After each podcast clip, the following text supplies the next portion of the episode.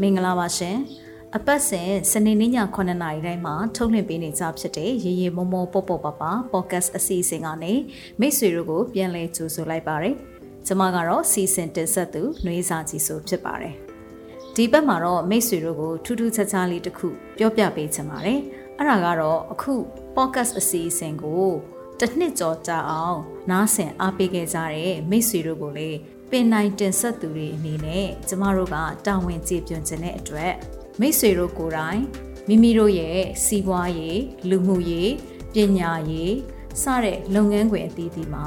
ဘယ်လိုပုံစံမျိုး podcast ကိုပြန်လည်ဖန်တီးမလဲဆိုတာကိုမိတ်ဆွေတို့ကိုပြောပြပေးမှာဖြစ်ပါတယ်။အဲ့တော့ဒီအကြောင်းအရာလေးမပြောခင်မှာ podcast ကဘာကြောင့်ဖန်တီးဖို့လိုတာလဲဆိုတာကိုမိတ်ဆွေတို့တွေးမိမယ်ထင်ပါတယ်။ အရင်ဆုံးတော့ podcast ဖန်တီးဖို့ဘာကြောင့်လိုအပ်လဲဆိုလို့ရှိရင် podcast ဟာတကဘာလုံးအတိုင်းအတာအရဆိုရင်လမ်းကြောင်းတစ်ခုပေါ်မှာ podcast ကအောင်မြင်စွာနဲ့ရောက်ရှိနေပြီဖြစ်ပါတယ်။အဲ့တော့တကဘာလုံးအတိုင်းအတာအနေနဲ့ဆိုလို့ရှိရင် podcast ဟာ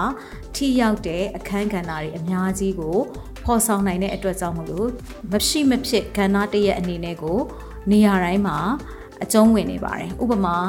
ဘာသာရေးကဏ္ဍတွေမှာလည်း podcast အခန်းကဏ္ဍတွေကအရေးကြီးလာတယ်။သတင်းအချက်အလက်နဲ့ဤပညာဆိုင်ရာကဏ္ဍတွေမှာလည်း podcast တွေကနေရာယူလာတယ်။နောက်ဆုံးဒီဖန်တီးမှုနယ်ပယ်တွေမကဘဲနဲ့ကျမတို့လူမှုရေးပညာရေးစီးပွားရေးနယ်ပယ်တွေအထိ podcast ကနေရာယူလာတာဖြစ်ပါတယ်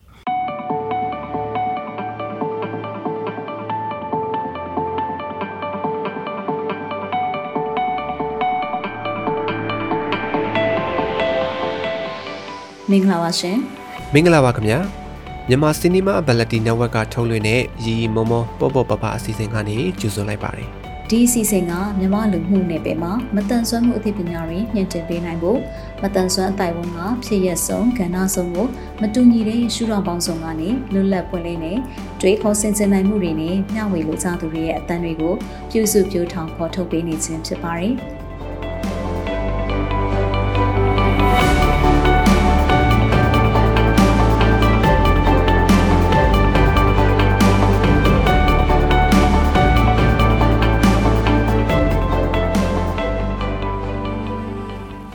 ဆိုလို့ရှိရင်တော့ကျမတို့တွေကအတန်နဲ့ဖန်တီးတင်ဆက်မှုတွေကိုလုပ်နိုင်တာဆိုလို့ radio program တွေရှိပါတယ်။နောက်ပြီးတော့ FM station တွေနဲ့ချိတ်ဆက်ပြီးတော့ဆောင်ရွက်လို့ရတယ်။ဒါပေမဲ့ဒီနေ့ဒီခေတ်မှာတော့ home studio လို့ခေါ်တဲ့ကိုယ့်ရဲ့အိမ်ထဲကနေ studio လိုမျိုးအခန်းလေးတစ်ခုဖွဲ့ပြီးတော့မှ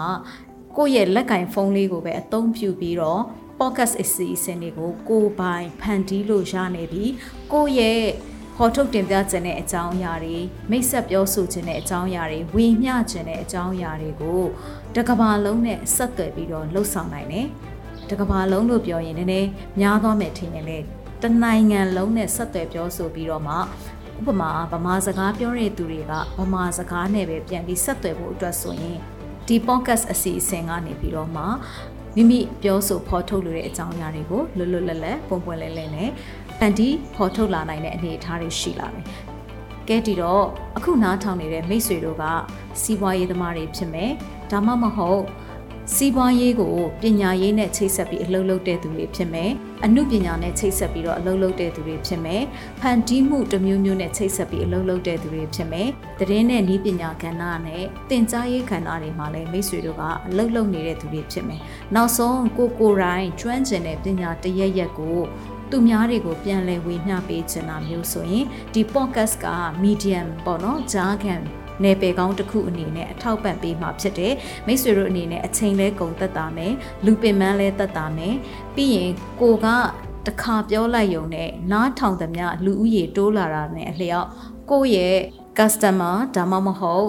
ကိုယ့်ရဲ့ user တွေရဲ့နယ်ပယ်ကျေပြန့်လာမှာဖြစ်ပါတယ် ဒီတော့ကိုယ့်ရဲ့ podcast ကိုအသုံးပြုတဲ့သူတွေဒါမှမဟုတ်နားထောင်တဲ့သူတွေဒါမှမဟုတ်ကိုယ့်ရဲ့လက်ရှိလုပ်နေတဲ့အလုပ်တွေကိုအထောက်အပံ့ကောင်းဖြစ်စေချင်တယ်ဆိုရင်တော့ကိုယ်ပိုင် podcast တစ်ခုကိုဖန်တီးဖို့အတွက်စဉ်းစားဖို့လိုပြီလို့အကြံဉာဏ်ပေးချင်တာဖြစ်ပါတယ်နောက်တစ်ခုကကြတော့ဘာသာစကားလေ့လာတဲ့သူတွေဆိုလို့ရှိရင်လေဒီ podcast အစီအစဉ်တွေကဘလောက်တိုင်းတာထိအရေးပါလဲဆိုရင်မိမိရဲ့ဘာသာစကားကျွမ်းကျင်မှုအထူးသဖြင့် listening skills ကိုပေါ့နော်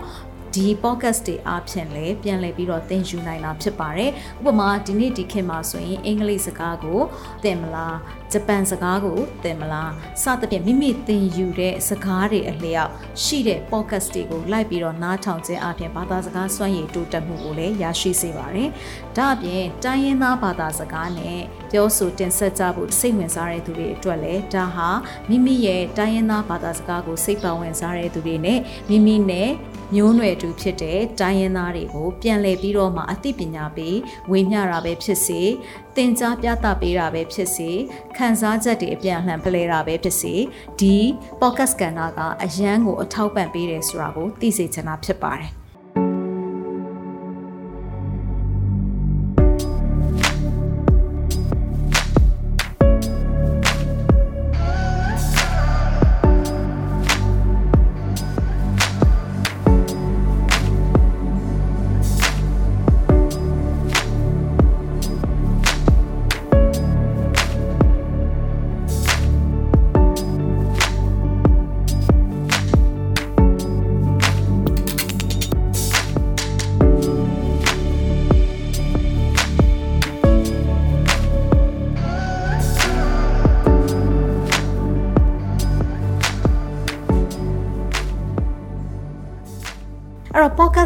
ဘာကြောင့်လုပ်ကြလဲပေါ့နော်ကျမတို့တွေ podcast တွေလုပ်တယ်ဆိုတာကအဲနံပါတ်1အချက်ကတော့ကျမတို့ရေရေမောမောပေါ့ပေါ့ပပကိုဘာကြောင့်စလုပ်ဖြစ်ခဲ့လဲဆိုရင်ကျမနဲ့ကိုပြေဖြိုးအောင်လည်းကဒီမတန်ဆွမ်းသူတွေကိုယ်တိုင်တင်ဆက်တဲ့သူတွေအဖြစ်နဲ့ပြန်လည်ပြီးတော့မှ voice out လို့ခေါ်တဲ့ကိုဖော်ထုတ်ပြောဆိုတင်ဆက်ခြင်းတဲ့အကြောင်းအရာတွေရင်ဖွင့်ချင်တာတွေကိုအများပြည်သူနဲ့ချိတ်ဆက်နိုင်အောင်ကိုယ့်ရဲ့မတန်ဆွမ်းအတိုက်ဝန်းထဲမှာရှိတဲ့ပုံကိုအချင်းချင်းပေါ့နော် peer to peer ပြန်ပြီးတော့မှအပြန်လှန်ခွန်အားပေးနိုင်အောင်အသိပညာဝေမျှနိုင်အောင်ဆိုပြီးတော့မှကျမတို့ကရေရေမောမောပေါ့ပေါ့ပပကိုစပြီးတော့ဖန်တီးခဲ့တာဖြစ်ပါတယ်နောက်ပြီးတော့ကျမတို့ကတခြားသော podcast တွေနဲ့ပုံစံမတူတာကကိုယ့်ရဲ့ personal story လို့ခေါ်တဲ့ ကိုကိုရိုင်းခံစားရတဲ့ကြုံတွေ့ရတဲ့အကြောင်းအရာတွေကိုကိုဖော်ထုတ်ခြင်းတဲ့အတိုင်းတာအလျောက်ဖော်ထုတ်ခွင့်ရှိတယ်။နောက်တစ်ခုကကြတော့ဇက်ကြောင်းပြောဆိုတင်ဆက်ခြင်းဆိုတဲ့ storytelling ကိုလည်းကျမတို့ကအခြေခံထားတာဖြစ်တယ်။ဒါမှသာလျှင်တစုံတစ်ယောက်ရဲ့နေရာမှာဝင်ပြီးတော့မှပြိသက်တွေကခံစားနိုင်ဖို့အတွက် ပို့ပြီးတော့မှရင်းနှီးကျွမ်းဝင်မှုရှိဖို့အတွက်ကျမတို့ကအရင်ဆုံး personal story တွေကိုဦးတည်တာဖြစ်တယ်။နောက်တစ်ခုကကျတော့ကျမတို့ကရုပ်ရှင်ဇက်ကောင်တွေကနေပြီးတော့မှဒီဇက်ကောင်တွေရဲ့လွှမ်းမိုးမှုဇက်ကောင်တွေကနေပြန်လဲသင်ယူရရှိမှုနဲ့ဒီဇက်ကောင်တွေရဲ့ချစ်စပွဲကောင်းမှုလေးတွေဒီဇက်ကောင်တွေကနေပြီးတော့မှလူတွေရဲ့ဘဝကိုဘယ်လိုမျိုးလမ်းပြသွားသလဲဆိုတာမျိုးကိုကျမတို့ကဖော်ထုတ်ဖို့အတွက်ရုပ်ရှင်နဲ့ပတ်သက်တဲ့အခန်းကဏ္ဍတွေကိုလည်းထည့်သွင်းပြီးတော့မှ story အနေနဲ့မိတ်ဆက်တင်ပြခဲ့တာမျိုးတွေရှိတယ်ပေါ့နောက်တစ်ခုကကြတော့ဒီတိမ်မြုပ်နေတဲ့အတန်ဆွမ်းအတိုက်အဝန်းမှာပြောလိပြောထမရှိကြတဲ့သူမျိုးတွေအထူးသဖြင့်မိဖတွေအာပြီးလို့ရှိရင်သားသမီးတွေမိဖတွေကသားသမီးကိုပြောချင်တာသားသမီးတွေကမိဖကိုပြောချင်တာဒါမှမဟုတ်အများပြည်သူကိုမတန်ဆွမ်းအမျိုးသမီးတယောက်ကပြောချင်တာအများပြည်သူကိုမတန်ဆွမ်းအမျိုးသားတယောက်ကပြောချင်တာစသဖြင့်ဒီလိုပုံစံမျိုးအရွယ်စုံကနေပြီးတော့မှသူတို့ဖော်ထုတ်ခြင်းတဲ့အကြောင်းအရာတွေကိုသူတို့ရဲ့ခံစားချက်နဲ့အတွေ့အကြုံပေါ်မူတည်ပြီးတော့ဖော်ထုတ်နိုင်ဖို့အတွက်လည်းကျမတို့ကအားပေးအားမြောက်ပြုလို့တဲ့အတွက်အလုပ်သင်လို့ခေါ်တဲ့ internship internship program တွေကျမတို့စီစဉ်ပေးတယ်။နောက်တစ်ခုကကျတော့ talent လို့ခေါ်တယ်ကျမတို့ကိုယ်မှာရှိတဲ့စွမ်းရည်လေးတစ်ခုကနေအစပြုပြီးတော့ဖန်တီးသူတယောက်အဖြစ်ခြေလှမ်းနိုင်အောင်လေကျမတို့ကစွမ်းရည်ရှင်တွေဖြစ်နေဖော်ထုတ်ပြီးတော့မှလက်တွေသင်ကြားပေးပါတယ်။ဒါပေမဲ့တဖြည်းဖြည်းနဲ့ဒီလိုမျိုးကာလရှည်ပေါ့နော်တစ်နှစ်လောက်ကိုပါဝင်ဖို့အတွက်အခက်အခဲရှိတဲ့သူတွေ 3လလောက် intensive training ကိုတက်ဖို့အတွက်အခက်အခဲရှိတဲ့သူတွေအနေနဲ့ဆိုရင်တော့ကျမတို့စီမှာဧည့်သည်တင်ဆက်သူအနေနဲ့လည်းလွတ်လွတ်လပ်လပ်ပါဝင်ပြောဆိုလို့ရတယ်။ရာသီအလိုက်ကျမတို့တင်ဆက်တဲ့ခေါင်းစဉ်တွေရှိမယ်။အဲရည်ရွယ်ချက်အလိုက်တင်ဆက်တဲ့ခေါင်းစဉ်တွေရှိမယ်။ဒီဟာတွေကနေကျမတို့စီမှာပူးပေါင်းပြီးတော့ပါဝင်လို့ရတယ်ပေါ့။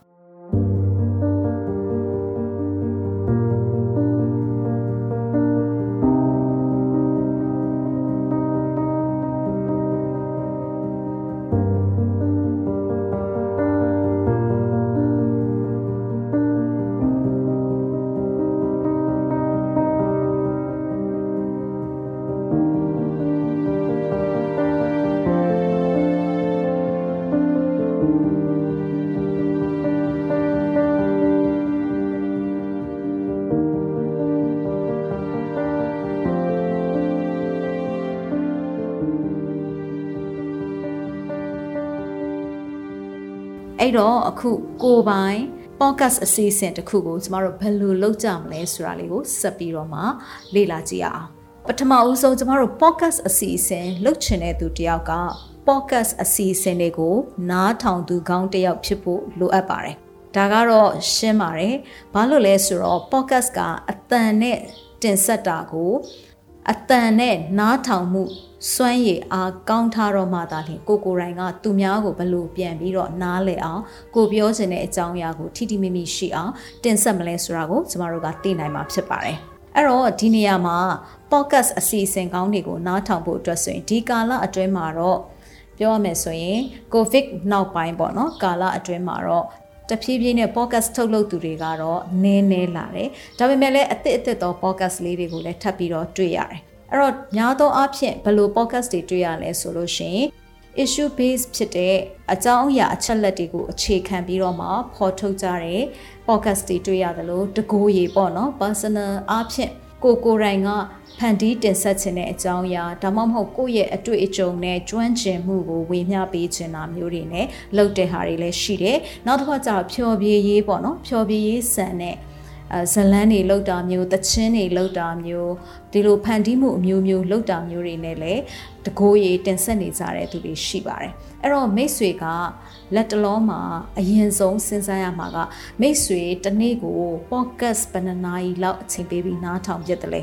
အချိန်ပေးပြီးလို့ပြောတဲ့အခါမှာအချိန်ပေးတယ်ဆိုတော့ နေရာမှာအမျိုးမျိုးရှိပါတယ် podcast ကအတန်ဖြစ်တဲ့အတွက်အယုတ်ကြည့်စရာမလိုဘူးဒီတော့မျက်စိနဲ့လက်နဲ့ကတခြားသောအလုပ်တွေကိုလုပ်နေလို့ရတယ်ဥပမာထမင်းချက်ရင်နားထောင်မလားအဝိလျှော်ရင်နားထောင်မလားအာခလေးထင်းရင်နားထောင်မလားစသဖြင့်ပေါ့နော်အိမ်တန်ရှင်းရေးလုပ်ရင်နားထောင်မလားကြိုက်တယ်လို့နားထောင်လို့ရတယ်မိဘူးတိုက်ရင်လည်းနားထောင်လို့ရတယ်ပေါ့နော်စသဖြင့်ဒီလိုပုံစံအမျိုးမျိုးနဲ့လက်ရှိအလုပ်ကိုမပြတ်ဘဲနားထောင်လို့ရတဲ့ program ဖြစ်တယ်အဲ့တော့ podcast လို့ပြောပေမဲ့အတန်နဲ့တင်ဆက်တာတွေအားလုံးအကျုံးဝင်တဲ့ radio ဒါမှမဟုတ် FM တွေကထုတ်လွှင့်တဲ့ program တွေကိုလည်းနားထောင်တာဟာအတူတူပဲဖြစ်ပါတယ် အဲ့တော့ပထမဦးဆုံးတင်ဆက်သူကောင်းတယောက်လုပ်ချင်တဲ့ podcast တစ်ခုကိုဖန်တီးခြင်းနဲ့ဆိုရင်တော့ကိုကိုရိုင်းကနားထောင်သူကောင်းတယောက်ဖြစ်ဖို့အတွက်အရင်ဆုံးစ조사ရမှာဖြစ်ပါတယ်အဲ့ဒီလိုနားထောင်သူကောင်းဖြစ်လာပြီဆိုလို့ရှိရင်တော့ကိုဖန်တီးခြင်းတဲ့အကြောင်းအရာတစ်ခုကိုအစပြုပြီးတော့တွေးတောကြည့်ပါဥပမာမိတ်ဆွေကစီးပွားရေးလုပ်တယ်ဆိုရင်ကိုလုပ်တဲ့စီးပွားရေးကနေပြီးတော့အများပြည်သူနဲ့ထိတွေ့နိုင်မဲ့ ဘယ်လိုမျိုးအကြောင်းအရာတွေကိုဆွေးနွေးတင်ဆက်မလဲဆိုတာကိုစဉ်းစားလို့ရပါတယ်။တကယ်လို့မိတ်ဆွေကစာသင်ကြားခြင်းကိုလုပ်တယ်ဆိုလို့ရှိရင်ကိုစာသင်ကြားနေတဲ့အကြောင်းအရာကိုဘယ်လိုပုံစံမျိုးကိုယ့်ရဲ့တပည့်တွေဒါမှမဟုတ်တပည့်ဖြစ်ဖို့အတွက်ရည်ရွယ်ထားတဲ့ user တွေကိုဘယ်လိုမျိုး ဒီ podcast နဲ့ချိတ်ဆက်ပြီးတော့မှစိတ်ဝင်စားအောင်ပို့ပြီးတော့မှကိုယ့်ရဲ့လုပ်ငန်းခွင်မှာလူသိများလာအောင်အသုံးပြုမလဲဆိုတာကိုစဉ်းစားလို့ရပါတယ်။တကယ်လို့မိတ်ဆွေကတကူရေဖန်တီးမှုတွေကိုစိတ်ဝင်စားတယ်။ဒါမှမဟုတ်ကိုယ့်ရဲ့ ကျွမ်းကျင်မှုကိုဝေမျှပေးခြင်းနဲ့အမှုပညာအကြောင်းတွေပြောရတာဝါသနာပါတယ်တခြင်းအကြောင်းတွေပြောရတာဝါသနာပါတယ်ဒါမှမဟုတ်အဲလက်တလောဖြစ်ပျက်နေတဲ့အကြောင်းအရာတွေကိုတင်ဆက်ရတာဝါသနာပါတယ်စသဖြင့်ကိုဥတီထားတဲ့အဲကိုကျွမ်းကျင်ပိုင်နိုင်မယ်လို့ထင်တဲ့အစိတ်ပိုင်းတစ်ခုကနေစပြီးတော့ဘယ်လိုပုံစံမျိုးအများပြည်သူနဲ့ချိတ်ဆက်ပြီးတော့ဒါမှမဟုတ်လဲအကန့်အသတ်နဲ့ပေါ့နော်ကိုယ့်ရဲ့တပည့်တွေပဲနားထောင်ရမယ်ဆိုရင်လည်းကိုယ့်ရဲ့တပည့်တွေအတွက်ဒါမှမဟုတ်ကိုယ့်ရဲ့အဖွဲ့ဝင်တွေပဲနားထောင်ရမယ်ဆိုရင်လည်းကိုယ့်ရဲ့အဖွဲ့ဝင်တွေအတွက်တီးသန့်စီစဉ်လို့ရပါတယ်အဲ့တော့အရင်ဆုံးနားထောင်သူကောင်းတယောက်ကနေစပြီးတော့စဉ်းစားလိုက်တဲ့အချိန်မှာကိုယ့်ရဲ့အာသာချက်ဖြစ်တဲ့အများပြည်သူနဲ့ချိတ်ဆက်နိုင်တဲ့အကြောင်းအရာတစ်ခုကိုအစဆွဲထုတ်မိသွားမယ်ပေါ့နော်အဲ့ဒါဆိုလို့ရှိရင်အဲ့ဒီအကြောင်းအရာမျိုးကိုလုပ်တဲ့တခြားသော podcast အစီအစဉ်တွေကဘယ်လိုပုံစံရှိသလဲဘယ်ဟာတွေလဲဘယ်လိုပုံစံမျိုးသူတို့တင်ဆက်ကြသလဲသူ တို့ရဲ့ဖန်တီးမှုကပရိသတ်ကိုဘယ်လောက်ထိဆွဲဆောင်နိုင်တယ်လဲဆိုတာတွေကိုကိုကလိုက်ပြီးတော့မှသူတေသနာလုပ်ကြည့်ပါအဲသူတေသနာဆိုတဲ့စကားအကြီးကြီးကျယ်ကျယ်လို့ထင်နေဆိုရင်လေကိုက Google မှာလိုက်ပြီးတော့ search လုပ်ကြည့်ပါ Facebook မှာလိုက်ပြီးတော့ search လုပ်ကြည့်ပါအခုဆိုရင်ကျမတို့ YouTube channel မှာလည်း podcast တွေကို channel တစ်ခုအနေနဲ့စပြီးတော့လုပ်နိုင်နေပြီဖြစ်တဲ့အတွက် YouTube ဘက်မှာလည်းတွားပြီးတော့လေ့လာလို့ရပါတယ် ဒါဆိုလို့ရှိရင်လိုတိုရှင်းပြောမယ်ဆိုရင်တော့ကျမတို့ကသူများတွေနဲ့မတူတဲ့ idea အသစ်တစ်ခုကိုဖော်ထုတ်နိုင်ဖို့အတွက်ဒီလေ့လာခြင်းအပြင်ကိုယ့်ရဲ့ idea နဲ့ဆင်တူနေတာရှိသလားလုပ်ပြီးသား program ရှိသလားလုံးဝမရှိသေးဘူးလားဒါမှမဟုတ်ရှိပြီးသားနဲ့မတူအောင်ဘယ်လိုလုပ်မလဲဆိုတာတွေကိုကျမတို့သိလာမှာဖြစ်တယ်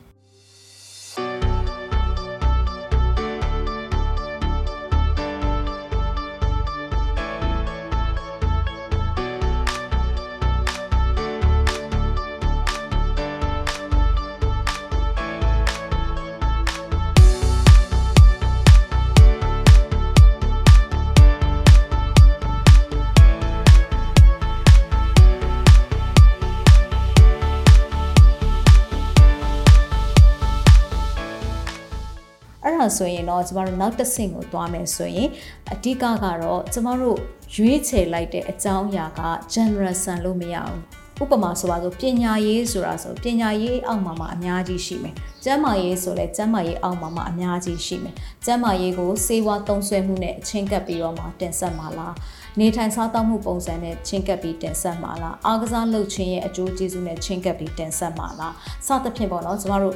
တိကျတဲ့နယ်ပယ်တစ်ခုကိုထပ်ပြီးတော့မှရွေးဖို့လိုတယ်အဲ့တော့ဒီနယ်ပယ်တစ်ခုကတော့ကိုကိုတိုင်ဖန်တီးနိုင်တဲ့အကြောင်းအရာတွေကိုစပြီးတော့ပြိသက်နဲ့ချိတ်ဆက်ဖို့အတွက်အလွယ်ကူဆုံးကို့အတွက်အလွယ်ကူဆုံးဖြစ်မဲ့အရာတစ်ခုကို့အပိုင်နိုင်ဆုံးဖြစ်မဲ့အရာတစ်ခုကိုထပ်ပြီးတော့မှ scope ပေါ့နော်ဒီ မိုးကုတ်စဝိုင်းလိုဟာမျိုးကျင်းပြီးတော့မှစဉ်းစားလိုက်တာပေါ့စောစောကပုံမှန်စဉ်းစားလိုက်တာတော့ business နဲ့လုပ်မယ် education နဲ့လုပ်မယ် social နဲ့လုပ်မယ် music နဲ့လုပ်မယ်စသဖြင့်ဒါတွေကကျမတို့အတွက်ကျေပြန့်လောတဲ့ခေါင်းစဉ်ကြီးတွေဖြစ်တယ်အဲ့လိုမျိုးမိုးကုတ်စဝိုင်းကြီးရဲ့အောက်မှာမှကျမတို့ကထီးလေးတစ်ချောင်းစာပေါ့နော်ကိုနိုင်တဲ့အဝန်းအဝိုင်းလေးကိုရွေးလိုက်တဲ့အခါမှာတော့အာတချင်းရေးတဲ့အပိုင်းကိုသွားမှာလားတချင်းဆိုတဲ့အပိုင်းကိုသွားမှာလား တချင်းလေ့ကျင့်သင်ကြားခြင်းအပိုင်းကိုသွားမှာလားစသဖြင့်တိကျတဲ့အကြောင်းအရာတစ်ခုကိုယ့်အတွက်အပိုင်းနိုင်ဆုံးဖြစ်မဲ့အကြောင်းအရာတစ်ခုကနေကျမတို့စလို့ရတာဖြစ်ပါတယ်။ဒါလို့ဆိုလို့ရှိရင်တော့ကျမတို့သိသွားပြီဆိုရင်အဲ့ဒီမှာမှအဓိကကျမတို့ပြောချင်တယ်တကယ်လို့တချို့ကကိုယ့်ရဲ့ podcast အစီအစဉ်တစ်ခုကို နမူနာလေးပဲစလုပ်ကြည့်မယ်လူကြိုက်မကြိုက်မသိသေးဘူးဆိုရင်လည်းနမူနာလေး၃ပိုင်းလောက်၅ပိုင်းလောက်စပြီးတော့ကိုစမ်းသပ်ပြီးတော့ထုတ်လွှင့်ကြည့်ပါဒီပုံမှာမူတည်ပြီးတော့မှကိုယ့်ရဲ့အတွေ့အကြုံတွေကိုယ့်ရဲ့ဖန်တီးမှုတွေနဲ့ပြိသက်တွေရဲ့အဲမှတ်ချက်ပေးခြင်းတွေကိုပြန်လှန်သုံးသပ်ပြီးတော့မှပိုကောင်းအောင်ဘယ်လိုလုပ်မလဲဆိုတဲ့နည်းလမ်းတွေကိုလည်းထပ်ပြီးရှာတွေ့လာမှာဖြစ်တယ်အဲ့ဒီလိုမျိုးကိုဘယ်အဝန်းဝိုင်းကိုလုပ်မလဲဆိုတာသိပြီဆိုလို့ရှိရင်လိုက်ဖတ်တဲ့ခေါင်းစဉ်တစ်ခုကိုကိုကရွေးရတော့မယ် ဥမာကျမတို့ဆိုရင်ရေရေမောမောပေါ့ပေါ့ပပလို့ဘာကြောင့်ပေးခဲ့တယ်လဲဟာတာလောက်တာမဟုတ်ဘူးဒါကအတိတ်ပဲလေးနက်တဲ့နောက်ခံ background ရှိတယ်ဆိုတာကိုကျမနဲ့ကိုပြေကစီစဉ်တင်ဆက်တဲ့ပထမပိုင်းမိတ်ဆက်ထဲမှာတွေကထည့်ပြောခဲ့တယ်အဓိကတော့ကျမတို့ရဲ့ဘဝတွေခက်ခဲကြမ်းတမ်းမှုတွေကိုပြန်ပြောတဲ့အခါမှာငိုယိုပြီးပြောတာထက်စာရင်ဘလောက်ပဲခက်ခဲကြမ်းတမ်းပလိစေဒီအချိန်မှာရေရေမောမောနဲ့ပေါ့ပေါ့ပပပြောနိုင်နေဆိုတဲ့ inspiration ကိုရစေချင်တဲ့အတွက်ကျမတို့ကဒီစိတ်ခွန်အားလေးကို အဓိကစောင်းတင်ပြီးတော့မှရေရေမောမောပပပပလို့နာမည်ပေးခဲ့တာဖြစ်တယ်ရုပ်တရက်ကြားလိုက်ရင်တော့ဒါဟာတာ program လို့ထင်ရကောင်းထင်ရနိုင်ပေမဲ့တကယ်ထဲထဲဝင်ဝင်နားထောင်ကြည့်တဲ့အခါမှာကျမတို့ရဲ့ရည်ရွယ်ချက်ကဒီလိုပေးထားတယ်ဆိုတာကိုသဘောပေါက်သွားမှာဖြစ်ပါတယ်အဲ့တော့ကျမတို့ကခေါင်းစဉ်ပေးတဲ့အခါမှာလဲကိုယ့်ရဲ့ပြောဆိုမယ့်အကြောင်းအရာနဲ့တင်ဆက်မယ့်အကြောင်းအရာနဲ့ဒီပါဝင်ဖွဲ့စည်းထားတဲ့ဖြစ်ရက်တွေနဲ့ live ဖတ်တဲ့ဟာမျိုးကိုကိုကပေးဖို့အတွက်လိုအပ်ပါတယ်နောက်တစ်ခါကျတော့ style ပေါ့နော် style လို့ခေါ်တဲ့ဖန်တီးတင်ဆက်ပုံမျိုးမျိုးလည်းရှိတယ်ပေါ့ဖန်တီးတင်ဆက်ပြီဆိုလို့ရှိရင်လည်းကျမတို့ကဘယ်လို style နဲ့သွားမှာလဲပေါ့နော်ကျမတို့ဆိုတက်နိုင်တဲ့လောက်တော့ style ကိုစုံအောင်တော့သုံးကြည့်တယ်ပေါ့နော်တယောက်တည်းပဲကွက်စိတ်သဘောမျိုးပြောဆိုတင်ဆက်တဲ့ monologue ပုံစံမျိုးတွေလည်းကျမတို့သွားတယ် interview လိုမျိုးအပြန်အလှန်ချိတ်ဆက်မေးမြန်းတဲ့ဟာမျိုးတွေလည်းသွားတယ်နောက် host တယောက်မှကတင်ဆက်တဲ့ပုံစံမျိုးတွေကိုလည်းကျမတို့ live section တွေမှာလုပ်ခဲ့ဘူးတယ်နောက် ပြန်ပြီးတော့တစိမ့်စိမ့်ခန်းစားပြီးတွေးတောနိုင်ဖို့အတွက်လေဒီဖွင့်ဆိုရှင်းပြခြင်းတွေနဲ့ကျမတို့တင်ဆက်ခဲ့တာတွေရှိတယ်ပြီးရင်လည်းရောသမမှွေပေါ့နော်အားလုံးပေါင်းဆက်ပြီးတော့မှကိုကျွမ်းကျင်တဲ့အခန်းကဏ္ဍတွေနဲ့ပြန်ပြီးတော့မှပေါင်းဆက်ဖန်တီးလို့ရပါတယ်ဥပမာကိုကဂီတပိုင်းကိုကျွမ်းကျင်တယ်နောက်ကိုယ့်ရဲ့တငယ်ချင်းက ပြောဆိုတင်ဆက်တဲ့နေရာကျွမ်းကျင်တယ်နောက်တစ်ယောက်ကဆိုတဲ့အပိုင်းမှာကျွမ်းကျင်တယ်ဆိုတော့ဒီ၃ယောက်ပေါင်းပြီးတော့လေ podcast တစ်ခုလုပ်လို့ရတယ်ပေါ့နော်အဲ့တော့ theme တစ်ခုခုပေါ့ရည်ရွယ်ချက်တစ်ခုခုပေါ်မှာမူတည်ပြီးတော့အဲ့ဒီ podcast ကိုကိုတွေကပုံမှန်လေးထုတ်လွှင့်သွားလို့ရတယ်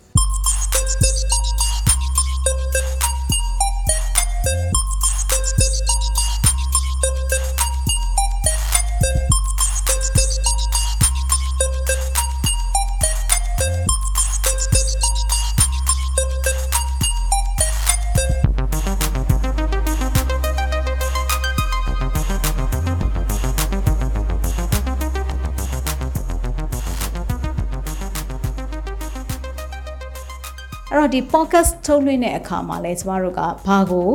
ပြင်ဆင်ရလဲဆိုရင်ကျမတို့ပြောမယ့်အကြောင်းအရာတွေကိုအရင်ဆုံးတော့မှတ်စုထုတ်ရပါတယ်ပြီးလို့ရှိရင်အဲ့ဒီအကြောင်းအရာတွေကိုဒီဣမရွေးမရေးရင်တော့မှအဲ့ဒီမှတ်စုကိုကြည့်ပြီးတော့မှကိုပြောချင်တဲ့အကြောင်းအရာကိုပို့ပြီးတော့မှလွတ်လွတ်လပ်လပ်ပွင့်ပွင့်လင်းလင်းနဲ့ရင်းရင်းနှီးနှီးဖြစ်တဲ့စကားပြောပုံစံမျိုးကိုအသုံးပြုပြီးပြောလို့ရပါတယ်အခုကျမပြောနေတဲ့ပုံစံမျိုးလည်းဖြစ်ပါတယ်တခါလေမှကျမက တင်ဆက်တဲ့ပုံစံထက်တနန်းပေးတဲ့ပုံစံမျိုးလဲအတန်ကပေါက်ချင်ပေါက်သွားနိုင်တယ်ပေါ့နော်ဒါကတော့တစုံတယောက်ကိုနားလည်အောင်ရှင်းပြရတာဖြစ်တဲ့အတွက်တခါတလေမှာဒီစိတ်ဝင်စားတဲ့သူဘက်ကနေပြန်ခန့်စားပြီးတော့မှဘယ်လိုမျိုးပြောရင်စိတ်ဝင်စားနိုင်မလဲဆိုတာကိုတွေးတောပြီးတော့ချက်ချင်း live သဘောမျိုးပြောနေတာဖြစ်တဲ့အတွက်ထုတ်လွှင့်ပြင်ဆင်ရမှာပြန်ပြီးတော့မှ တိဖြတ်စရာနဲသွားပြီးတော့တကယ်စကားပြောပုံစံမျိုးကိုအချောဖြစ်ဖို့အတွက်လည်းအပြန်အလှန်လေ့ကျင့်ပေးဖို့လိုပါတယ်လေ့ကျင့်မှုရှိမယ်အဲရေးသားမှုမှာလည်းပြည့်စုံမယ်ပြောဆိုတင်ဆက်မှုအတန်အနေထားမှာလည်းလေ့ကျင့်မှုအားကောင်းမယ်ဆိုလို့ရှိရင်ကျမတို့ကဒါကို ထုတ်လုပ်လို့ရပါပြီအဲ့ဒီလိုထုတ်လုပ်ဖို့အတွက်ဆိုရင်အလွယ်ကူဆုံးကတော့ စပြီးတော့အလုပ်ဖြစ်မဖြစ်စမ်းသပ်ကြည့်နေဆိုရင်တော့ကိုယ့်ရဲ့လက်ထဲမှာရှိတဲ့ mobile phone ကိုပဲအသုံးပြုပါ ကိုယ့်လက်ထဲမှာရှိတဲ့ဖုန်းမှာ recorder ပါပါတယ်အဲ့ဒီ recorder မှာ external mic ကိုတက်ပြီးတော့သုံးချင်သုံးပါ external mic မရှိဘူးဆိုလို့ရှိရင်လည်း recorder တွေက internal mic နဲ့လည်းကျမတို့သုံးပြီးတော့မှစကားတွေပြောကြည့်ပါကိုပြောတဲ့စကားတွေကိုကိုပြန်နားထောင်ကြည့်ပါပြီးလို့ရှိရင်တစ်ဖက်သားသဘောပေါက်မပေါက်ကိုယ့်ရဲ့နီးစပ်တဲ့တငယ်ချင်းတွေညီကိုမောင်နှမတွေမိသားစုဝင်တွေအိမ်နီးနားချင်းတွေလုပ်ငန်းခွင်က လုပ်ဖို့ကင်ဘက်တွေစသဖြင့်နီးစပ်ရာဒီအကြောင်းအရာကိုကိုပြောလိုက်တာဒီသူဘလောက်နားလဲသွားလဲဆိုတာကိုမတူညီတဲ့လူပုဂ္ဂိုလ်တွေကိုနားထောင်ခိုင်းပြီးတော့သူတို့စီကနေမှတ်ချက်ပြန်တောင်းကြည့်ပါဒါဆိုလို့ရှိရင်ကိုယ့်ရဲ့ပြောဆိုတင်ဆက်မှုသိအများကြီးစလုပ်เสียမလို့ဘူး3မိနစ် 9မိနစ်အဲ့ဒီလောက်ဝန်းကျင်လေးရနေအကြောင်းအရာတစ်ခုကိုသဘောပေါက်အောင်စပြီးတော့ပြောကြည့်မယ်ဆိုရင်အဆင်ပြေပါတယ်ဟုတ်ပြီဒါဆိုလို့ရှိရင်ကျမတို့စပြောခါစားမှာတော့တစ်ခေါက်သေးနဲ့လေဘယ်တော့မှပြီးမှာမဟုတ်တလို့အစင်လဲပြေမှာမဟုတ်ဘူးကိုအထက်ထက်ခါခါလေးကျင်ပြီးတော့မှကို့အတွက်စိတ်တိုင်းကြတဲ့အတန်ကိုတငယ်ချင်းမိတ်ဆွေတွေကိုနားထောင်ခိုင်းပြီးတော့အကြံဉာဏ်တောင်းပါပြီးလို့ရှိရင်ကိုကိုယ်တိုင်လည်း ပရိသတ်တယောက်အနေနဲ့ကိုယ့်ရဲ့အတန်ကိုပြန်ခံစားပါစကားမပြေတာမျိုးဖြစ်နေသလားအတန်ကမာပြီးတောင့်နေသလားဒါမှမဟုတ်ရင်းနှီးကျွမ်းဝင်တဲ့အတန်မပေါက်ဘူးလားဒါမှမဟုတ်အတန်အားကနည်းနေသလားဒါမှမဟုတ်ကိုယ့်ရဲ့အတန်ကဆွဲဆောင်မှုလိုနေသေးသလားဒီဟာတွေပုံမှန်မှုတည်ပြီးတော့ကိုကတဖြည်းဖြည်းလေ့ကျင့်ယူရမှာဖြစ်ပါတယ်ဒါဆိုလို့ရှိရင်ကိုကဒီလိုပြောဆိုတင်ဆက်တဲ့အခါမှာလဲကိုယ့်ရဲ့ဥတီပရိသတ်ကိုကိုသိဖို့လိုပါတယ် ကိုပြောနေတဲ့အကြောင်းအရာကလူငယ်ပရိသတ်ကိုဥတီတာလားဒါမှမဟုတ်ကိုယ့်ရဲ့ user တွေကိုယ့်ရဲ့တပည့်တပန်းတွေကိုဥတီတာလားဒါမှမဟုတ်ကိုယ့်ရဲ့ customer တွေကိုဥတီတာလားဒါမှမဟုတ်အများပြည်သူ public ကိုဥတီတာလားဒီဟာပေါ်မှာမူတည်ပြီးတော့ကိုပြောတဲ့အကြောင်းအရာကိုကိုယ့်ရဲ့ဥတီပရိသတ်တွေရဲ့ education level ဒါမှမဟုတ်သူတို့ရဲ့ဒီဘာသာစကားနားလည်နိုင်မှုအနေအထားပေါ်မှာထည့်သွင်းစဉ်းစားဖို့လိုပါတယ် အများပြည်သူကိုပြောတဲ့အခါမှာပညာရေးအခြေခံအားမကောင်းတဲ့သူတွေပါနားလည်နိုင်အောင်လို့မြန်မာမှုပြုပေးတဲ့စကားလုံးလေးတွေအထူးသဖြင့်ခေတ်ပေါ်စကားလုံးတွေဗန်းစကားတွေဘာသာရပ်ဆိုင်ရာအသုံးအနှုန်းတွေကိုသုံးတဲ့အခါမှာသူတို့ကိုပြန်ပြီးတော့နားလည်အောင်မြန်မာစကားနဲ့ပဲဖွင့်ဆိုရှင်းပြပေးတတ်ဖို့လိုပါတယ်။ဒါဆိုလို့ရှိရင်တော့ကိုယ့်ရဲ့ဥတီပရိသတ်ကကိုယ့်ရဲ့ပြောဆိုမှုကိုအလွယ်တကူနားလည်သဘောပေါက်သွားမှာဖြစ်တယ်။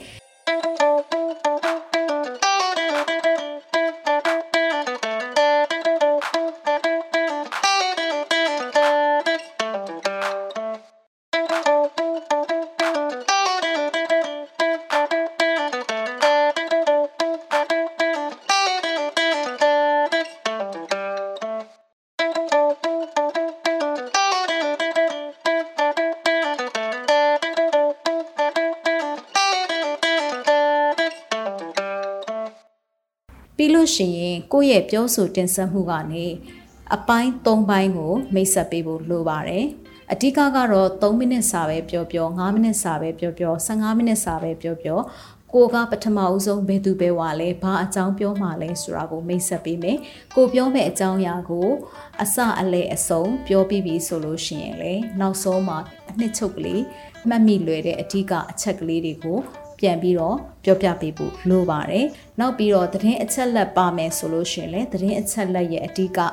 တိမှတ်စရာလေးတွေကိုထပ်ပြောပေးဖို့လိုအပ်ပါတယ်။ကိုနဲ့အနီးဆက်ဆုံးဖြစ်တဲ့မိတ်ဆွေရဲ့မှတ်ချက်တွေနဲ့ပြန်ပြီးတော့ပြုပြင်ပြောင်းလဲပြီးတဲ့အခါမှာသူတို့ကိုပြန်ပြီးနားထောင်ခိုင်းကြည့်ပါအဲ့တော့သူတို့ရဲ့မှတ်ချက်တွေပိုကောင်းလာပြီးကိုကိုကိုလည်းယုံကြည်မှုရှိလာပြီးဆိုရင်အရင်ဆုံးကိုက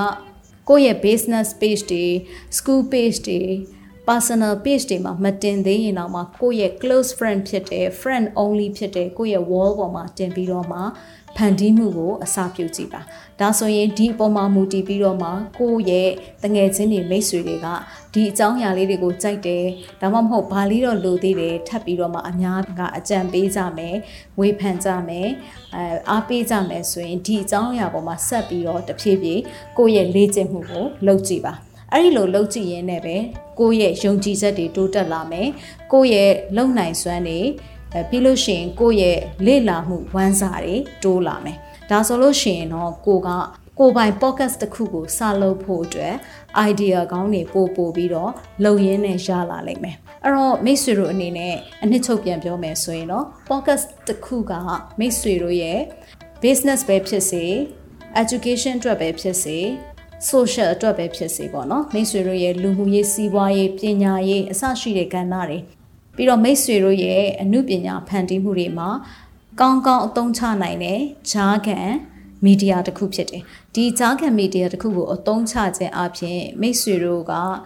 အများပြည်သူနဲ့ထိတွေ့ဆက်သွယ်နိုင်ဖို့အတွက်နောက်ထပ် platform တစ်ခုကိုမိတ်ဆွေတို့ပိုင်ဆိုင်မှာဖြစ်တယ်အခုဆိုရင် YouTube ကလည်း podcast တွေကို channel လုပ်လို့ရနေပြီဖြစ်တဲ့အတွက် YouTube မှာလည်း podcast channel လုပ်လို့ရတယ်။တခြားသော podcast channel တွေကနေလည်းကိုယ့်ရဲ့ကိုယ်ပိုင် channel တစ်ခုကိုဖော်ထုတ်ပြီးတော့မှမိတ်ဆွေတို့ရဲ့လုပ်ငန်းခွင်မှာ podcast ရဲ့အခန်းကဏ္ဍကိုထည့်သွင်းပြီးတော့လှုပ်ဆောင်လိုက်မယ်ဆိုရင်ပုံမကောင်းမွန်တဲ့ ရလက်တွေကိုရလာမယ်ဆိုတာကျွန်မယုံကြည်ပါတယ်။ဒါကြောင့်မလို့ဒီနေ့ကတော့မိတ်ဆွေတို့ဘယ်လိုပုံစံမျိုး podcast တစ်ခုကိုစပြီးတော့မှလုပ်ကြည့်သင့်တယ်လဲဆိုတာကိုကျွန်မကမိတ်ဆက်ပြီးပြောပြပေးသွားတာဖြစ်ပါတယ်။အဲ့တော့ကျမတို့ရဲ့ရေရေမမောပေါ့ပေါ့ပပအစီအစဉ်ကနေလဲမကြခင်မှာ partner လို့ခေါ်တဲ့ ကဏ္ဍအသီးသီးကလက်တွဲပေါ်တွေကိုကျမတို့ကဖိတ်ခေါ်มาဖြစ်ပါတယ်အဲ့တော့အပြန်အလှန်အကျိုးတူပူးပေါင်းတဲ့အနေနဲ့ podcast ရဲ့အခန်းကဏ္ဍကိုမိတ်ဆွေတို့ရဲ့လက်ရှိလဲပတ်နေတဲ့စီးပွားရေးလူမှုရေးပညာရေးအမှုပညာကဏ္ဍတွေမှာပူးပေါင်းဆောင်ရွက်ဖို့အတွက် MCA network နဲ့လာရောက်ချိတ်ဆက်လို့ရနိုင်ပါတယ်ကျမတို့အပြန်အလှန်အကျိုးတူပူးပေါင်းခြင်းအပြင်ပုံမကောင်းမွန်တဲ့လူမှုအတိုင်းအဝန်တစ်ခုကိုတည်ထောင်နိုင်လိမ့်မယ်လို့ယုံကြည်မျှော်လင့်ပါတယ်အားလုံးကိုကျေးဇူးတင်ပါတယ်